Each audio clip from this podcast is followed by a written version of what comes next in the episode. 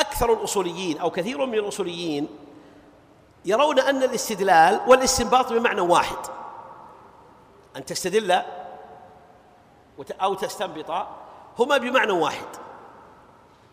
وإن فرق بعضهم بين الأمرين بتفريق دقيق. وعليه لم يبحث الأصوليون مبدأ الاستدلال استقلالا.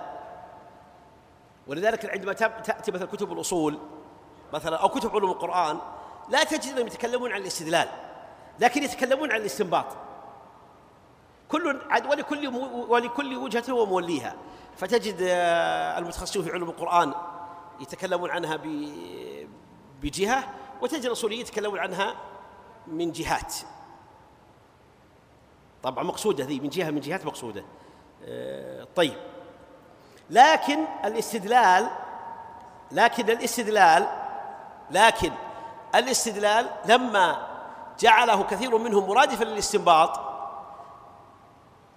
أطلب كثير من الأصوليين أو بعض الأصوليين في الاستنباط باعتبار أنه هو الاستدلال بمعنى واحد. ولذلك آه، قال السمعاني أيضا الاستنباط هو استخراج المعنى المودع في النص.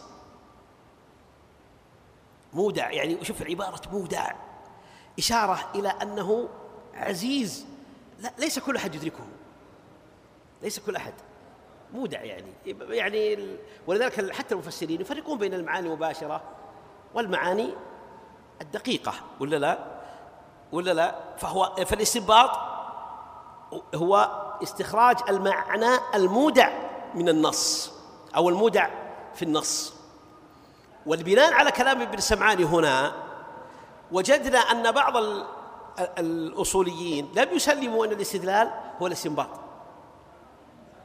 فقالوا الاستدلال هو كل حكم يخرج من الآية أو الحديث يسمى استدلالا به. يعني مثلا وأقيموا الصلاة وآتوا الزكاة وجوب الصلاة قالوا هذا استدلال. وآتوا الزكاة ها؟ استدلال. فهم يرون أن الاستدلال هو كل ما حتى المعنى الخفي من الآية يسمى عندهم استدلال بينما بعض الأصوليين فرقوا فقالوا الاستدلال أعم والاستنباط أخص. كيف ذلك؟ قالوا الاستدلال كل معنى استخرج من الآية ودلت عليه من الأحكام فهو استدلال. لكن الاستنباط للمعاني الدقيقة التي لا يدركها كل أحد. التي لا يدركها كل أحد. التي وسنأتي إلى تقسيم آيات القرآن إلى أنواع في قضايا فهم الأحكام منها بهذا الاعتبار. فهو فالاستنباط حصروه أو خصوه بالدقيق من الاستدلال. والإستدلال أعم. فكل استخراج للحكم من الآية فهو استدلال. بينما بينما الآخرون قالوا إن الاستدلال بينما الاستنباط قالوا إنه نعم للأشياء الدقيقة والمعاني. سم؟ إيه.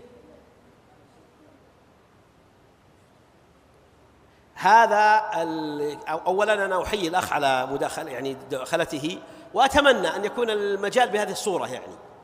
أي ما أي ما يشكل عليك أو تعترض عليه اعطني على طول مباشرة يعني في موضعه. هذا أحسن شيء. وهذا كلام للجميع.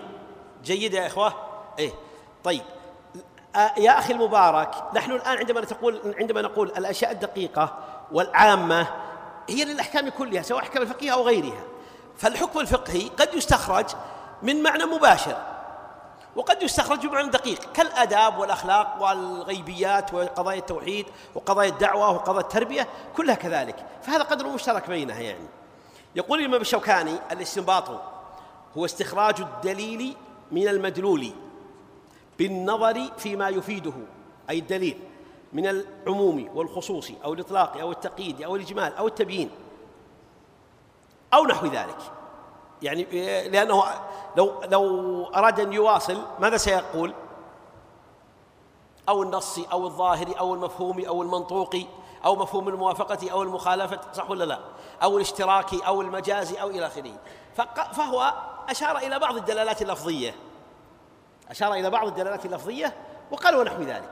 إشارة إلى أن الاستنباط كما يراه الإمام الشوكاني عليه رحمة الله أن يستخرج المدلول من الدليل بالنظر فيه باعتبار دلالته اللفظية من جهة العموم أو الخصوص أو الإطلاق أو التقييد أو النص أو الظاهر أو المجمل أو المبين أو المنطوق أو المفهوم أو المفهوم الموافقة أو مفهوم المخالفة أو الاشتراك أو المجاز إلى آخره.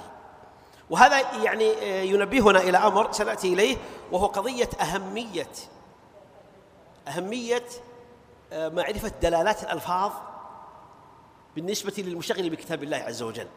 فإن لها أثر عظيم في فهم الكتاب واستخراج الآيات. سم.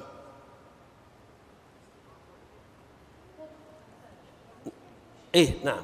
وسنأتي إلى هذا إن شاء الله قبل قليل. بعد بعد قليل ممن ذهب إلى أن الاستنباط أدق الإمام النووي رحمه الله قال وابن القيم أيضا ولذلك عرف الاستنباط ابن القيم ابن النووي والاستنباط هو استخراج ما خفي من المراد ما خفي المراد به من اللفظ.